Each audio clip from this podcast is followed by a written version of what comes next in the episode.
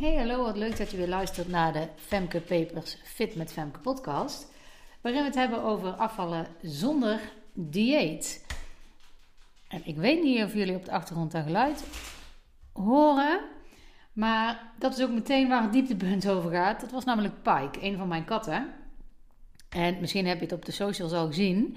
Maar Pike die had um, vorige week had ze een wondje. Ik stond niks vermoedend in de keuken en ik had eten net voor de katten erin gedaan. En dan komen ze er allebei aan, want ja, daar horen ze, dus dan komen ze. En toen zat ze rustig aan haar poten likken en ik zie gewoon druppeltjes bloed. Ik denk, wat is dit nou? Dus ik even kijken, van nou, waar komt dat bloed dan vandaan? En ik pak erop en ja, mijn hand zit eigenlijk ook gewoon meteen onder het bloed. Dus ik denk, nou, hier moeten we de dierenarts maar even voor bellen. Maar ze had likkers laten merken in haar gedrag. Dus het is voor mij, kijk, ze zijn sinds eind augustus zijn ze hier. En het is voor mij wel goed om dit nou te merken. Want blijkbaar moet ik haar dus regelmatig in de gaten houden. Of dat ze ergens hondjes heeft. Want ze laat het niet merken. Ze komt niet uh, miauwend binnen. Of ze vraagt niet extra veel aandacht. Dus daar moeten we wel even in de gaten houden. Dat aandacht vragen, dat doet ze nu overigens wel. Maar goed, daar kom ik later nog op. Dus wij bellen naar de dierenarts. En uh, allebei de kinderen die wilden graag mee, want we konden dan meteen terecht. Maar, en dit hoort ook wel een beetje bij het dieptepunt. Maar omdat het normaal gesproken is de dierenarts open tot kwart over acht s'avonds. Maar nu uitgerekend op deze ene donderdag maar tot zes uur. En je raadt het al, ik belde om vier over zes. En daardoor werd het een spoedafspraak. En uh, ik weet niet wat het normaal kost, maar ik moest behoorlijk wel afrekenen in ieder geval. Alleen al dat er een dierenarts haar zou zien. Maar ja, het bloedde dusdanig dat het gewoon geen optie was om uh, hiermee te wachten. Dus ja, nou, dan toch maar doen. Maar goed, dat was een extra dieptepunt, om het zo maar te zeggen. Want het is natuurlijk al vervelend genoeg dat je uh, kat gewond is. En ze komen hier buiten, dus waar ze het opgedaan heeft, ja, we hebben geen idee. Uh, het hele huis lag niet vol bloed, dus ze konden het echt nog maar net hebben. En ze was ook nog niet zo lang binnen. En ze kwam van buiten. Dus uh, ja, ze zal wel ergens achter zijn blijven hangen. Maar goed, dus wij naar de dierenarts. En uh, bij katten, katten hebben bij het pootje, hebben ze iets verder uh, voorbij het voetje, zeg maar, hebben ze ook nog zo'n uitstulpinkje zitten. Nou, en dat lag er bijna vanaf. Dat kon ik zelf ook al zien, dat zat helemaal los. Dus daar is ze waarschijnlijk ergens achter blijven haken. Nou, dat zag de dierenarts natuurlijk ook meteen. En die ging verder kijken en die zag verder op de poot ook nog een wondje wat nog een beetje open stond. Maar daar kwam geen bloed uit. En toen zei ze van, goh, dit wondje is al wat ouder. Want het, zit, ja, het is nog niet dicht, maar het is wel droog. Dus uh, ik zeg, nou, daar heeft ze niks van laten merken. Dus ja, dat is dus een signaal dat ik haar wel af en toe moet controleren als ze buiten geweest is. Want ze kan zomaar iets hebben zonder dat ik het merk aan haar gedrag. Nou, toen zei de dierenarts, nou, dan moeten we haar gaan hechten.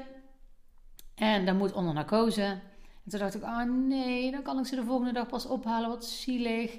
En dan is er broertje hier in huis en die weet niet waarom we teruggekomen zijn zonder...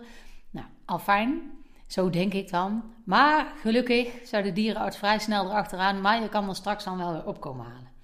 Oh, gelukkig. Daar was uh, de jongste ook zichtbaar blij mee.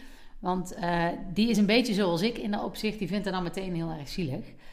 En dat is het natuurlijk ook. Het is natuurlijk ook zielig. Maar goed, dus wij naar huis. Uh, de dierenarts belde toen ze klaar was. Ze zegt, ja, ik heb het gewoon gehecht en het zit keurig dicht. En ik heb ook in het oude wondje even een paar hechtingjes gedaan. En um, ja, als ze dan wakker wordt uit de narcose, dan uh, bellen we je op en dan kun je komen.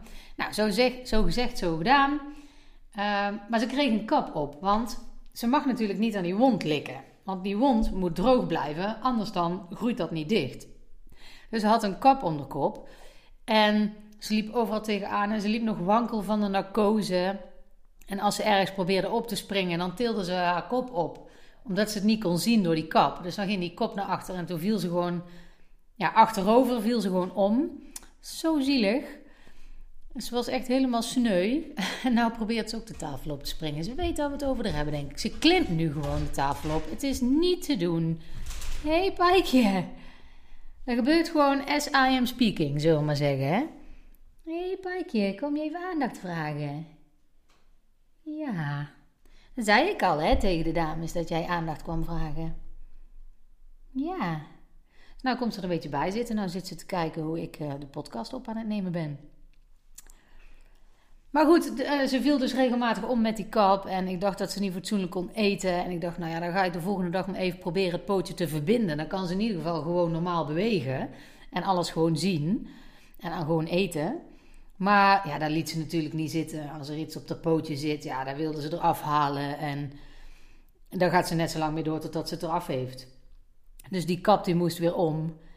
En ja, zo zielig. En ze komt nu ook best vaak gewoon ja, bij me en bij me liggen. En dan blijft ze hele avonden bij me liggen. Ze kon eerst ook wel echt bij me komen liggen, maar niet hele avonden. En dat doe je nou wel, hè, Pijk? Ja, nou komt ze knuffeltjes halen. Ja, ik heb vandaag de hele dag buiten huis gewerkt, hè, meid. En nou ben ik eindelijk thuis. En dan ga ik meteen weer ander werk doen. Heb ik nog geen aandacht voor jou, dat is ook wat. nou, zo gaat dat dus hier. Maar goed, ja, ze moet die kap nog, uh, nog wel even op. En uh, nou, ze kijkt me aan. Het is niet te doen. oh, Germ. Oh, je weet ook een zielepietje. Oh, gozie. Nou, het is ook helemaal niet zo leuk. Maar goed, ze moet die kap nou nog een week om. Want ja, ze mag niet aan de hechtingen zitten. Ik doe hem af en toe wel even af hoor. Zodat ze even kan krabben. En uh, dat ze ook even zichzelf kan likken. Gewoon op andere plekken waar het wel mag. Ja, en dan moet die kap weer op. En ja, dat is natuurlijk helemaal niet leuk. Maar ze doet het super goed, moet ik zeggen. Want ze jankt niet. Uh, ze doet niet vervelend. Ze blaast niet als ik met de kap kom. Dus ze is echt super lief. Maar dan maakt het ook wel een beetje tragischer. Maar goed, dat is dus het dieptepunt. Uh, daar heb ik nu wel genoeg over gepraat, denk ik. Maar dat is dus ja, echt wel een dieptepuntje. Want ik vind dat toch wel echt wel heel erg zielig. En dat het dan geld kost, ja dat vind ik wel jammer. Daar baal ik op dat moment wel van. Daar kon ik goed ergens anders voor gebruiken. Maar ja, als je beesten in huis haalt, dan moet je daarvoor zorgen. En dan weet je dat dat kosten met zich mee kan brengen. Dus daar ben je dan ook weer gauw vergeten. Maar het was wel even heel erg sneu. En dan gaan we eigenlijk door op een ander dieptepunt. Want ik heb nog helemaal niet verteld waar we deze podcast over gaan hebben. En het andere dieptepunt zijn de nieuwe maatregelen. Ik neem deze podcast op op de maandag nadat vrijdag de nieuwe maatregelen zijn verkondigd. Van drie weken na vijf uur alles dicht. Een anderhalve meter weer, afijn. Ik hoef ze niet te herhalen, denk ik. Maar goed, ik neem dit dus nu op. En het dieptepunt is, ik was natuurlijk druk bezig met het organiseren van het seminar op 22 januari. Wat in, het, uh, in de bioscoop in Den Bosch zou plaatsvinden. En ik zeg zou plaatsvinden omdat ik de knoop door heb gehakt om het seminar uit te stellen. Ik ga het zeker niet afstellen, maar om het uit te stellen.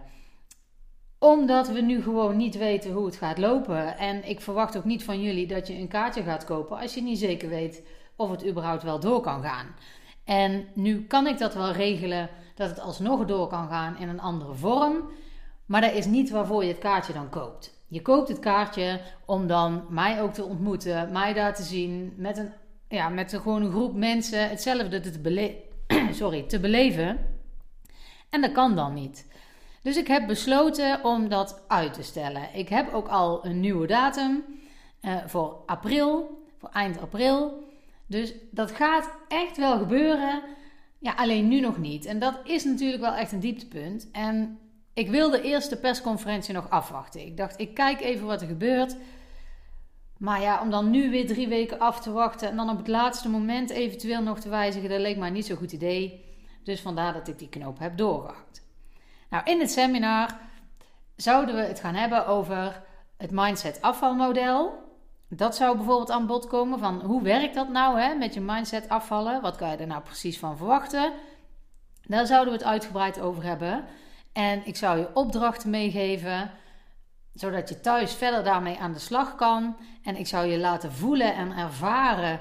En even de diepte in laten gaan van hoe werkt dat nou bij mij. Zodat je echt ook persoonlijk uh, tips kunt krijgen waar je wat aan hebt. En dat zou super waardevol zijn geworden. Dat zou echt heel gaaf zijn geweest. En daarom kan ik dit natuurlijk ook gewoon niet afstellen, maar alleen maar uitstellen. Wat ik wel heb gedaan is diezelfde datum, 22 januari, dus je kan hem nog steeds in je agenda zetten. Ga ik in plaats van een seminar een webinar geven. Waarin ik ook dat mindset afvalmodel met je ga bespreken. waarin je ook tip krijgt waarmee je zelf mee aan de slag kan. Alleen duurt het dan iets korter en ontmoet je mij niet persoonlijk en zit je vanuit je eigen huiskamer of woonkamer of weet ik veel vanaf waar je dat dan wil gaan doen, want het kan natuurlijk overal. Ben je aan het meekijken en luisteren en aan het meedoen en dat is toch wel een heel andere feeling. Dus ik steek wel iets anders in. Het wordt zeker ook hartstikke waardevol. Uh, ik heb daar echt, ik heb een lach op mijn gezicht als ik daarover praat, want ik heb er echt al wel zin in om dat te gaan doen. En dat gaan we ook doen. 22 januari, save the date. Je krijgt daar echt nog wel informatie over. Maar eerst even die decembermaand door. En dan bedoel ik met name op de corona-perikelen. Gewoon eens om te kijken wat daar gebeurt. En um, in januari ga ik het helemaal in orde maken. Ga jij helemaal op de hoogte gesteld worden. En kun jij een kaartje kopen, je plekje reserveren voor dat webinar. Het is geen gratis webinar, omdat mijn gratis webinars zijn korter. Maar dit is echt, ik ga hier echt de diepte met je in. Ik ga verder dan in mijn gratis webinars, waarin ik ook al concrete tips geef. Maar dit webinar is echt bedoeld voor dames die mij al langer volgen, die al weten hoe ik in de basis werk en die al weten dat ze daar eigenlijk mee aan de slag willen, maar nog niet goed weten hoe. En daar is dit webinar echt voor bedoeld. Dus niet voor de dames die mij nog ja, nauwelijks kennen en in het webinar kennis maken met mijn manier van werken. Want dat is wat het gratis webinar doet. Maar deze gaat echt een stapje verder. Dus je hebt er zeker iets aan om daarbij te zijn. En eerst moeten we de decembermaand doorkomen. En ik zei al dat dat uh, ook over de coronaperikelen gaat. Maar uh, ik weet uit ervaring dat de decembermaand gewoon een lastige maand kan zijn. En daar komt nu nog die onzekerheid van corona bovenop. Kunnen we kerst wel met meer mensen vieren of kan het niet? Ziet het er weer uit net als vorig jaar? Uh, krijg ik nou ook met verleidingen te maken of is dat minder? Het helpt niet. Sowieso is december qua eten al een lastige maand. Omdat er gewoon heel veel sociale dingen zijn of feestdagen zijn die gewoon gepaard gaan met eten. Pardon. Dus dat is al lastig genoeg. En daar komt nu die onzekerheid van corona bovenop. En nou kun je misschien zeggen, ja, maar corona heeft niets te maken met uh, de feestdagen en het eten daaromtrent. Maar dat is dus niet helemaal waar. Als jij onzekerheid ervaart, en of stress of onrust, wat het dan ook is, als je dat ervaart, is het veel moeilijker om je aan je eigen afspraken, om je aan gezonde keuzes te houden. Dus daarom is het echt wel heel belangrijk dat ik dat nu benoem, dat je daar niet te licht over denkt. Want je gaat dat waarschijnlijk niet heel bewust zo ervaren, maar het is echt wel een directe link. Als jij die onzekerheid van corona, die dan toch een beetje als een sluierwolk om je heen hangt, dat gevoel neem je toch een beetje mee.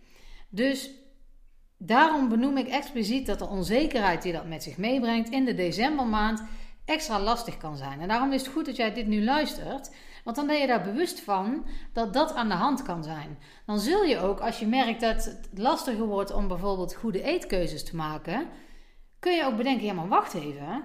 Dit komt gewoon ook omdat dat boven mijn hoofd hangt. En misschien vind jij corona niet een ding, maar misschien zijn er andere dingen die meespelen. En als dat boven je hoofd hangt, is het lastig om goede keuze te maken. Ik zal even een heel concreet voorbeeld geven uit de praktijk. Een klant van mij, die gaat hartstikke goed. Die heeft echt al uh, heel veel resultaten geboekt. Maar ze zei tegen mij van, goh Femke, ik heb nu een keer op een andere dag gewerkt. Op de vrijdag. En ik had dus nog geen kans gehad om boodschappen te doen. Dus dan ben ik na het werk gaan doen, terwijl ik eigenlijk honger had.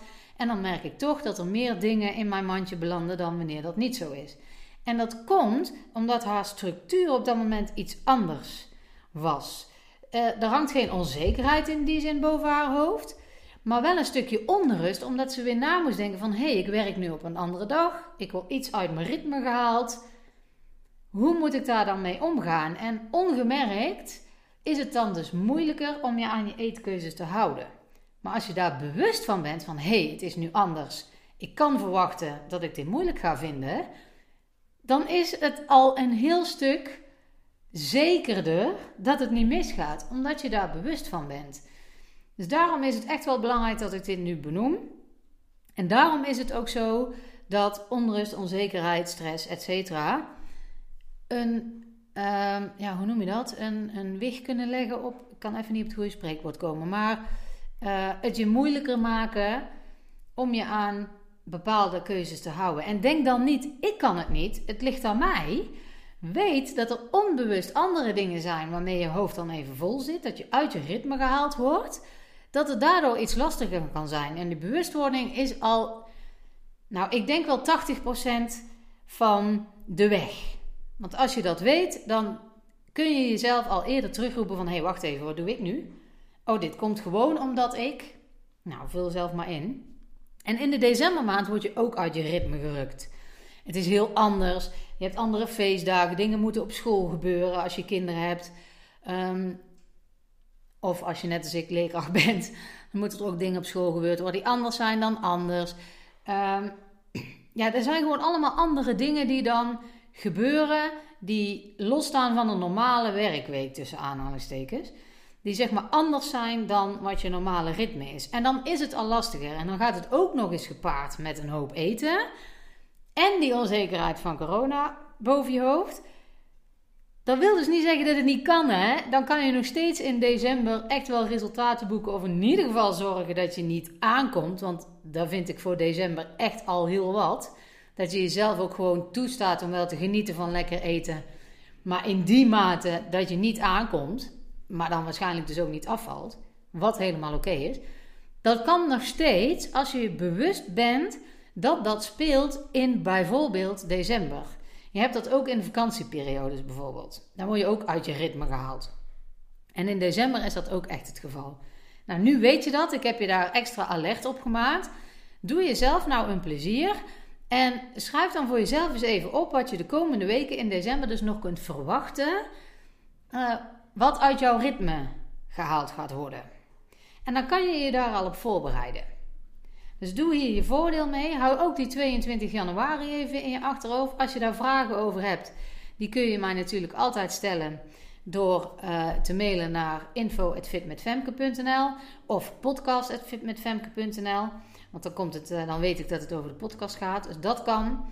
En je kan natuurlijk ook gewoon altijd uh, een privéberichtje sturen via mijn socials. Dus dat is geen enkel probleem, daar reageer ik altijd op. Nou, voor nu, ik hoop dat het goed met je gaat. Ik ga nog even met de kat knuffelen. En ik, ja, je hoort me de volgende keer weer. Doei doei!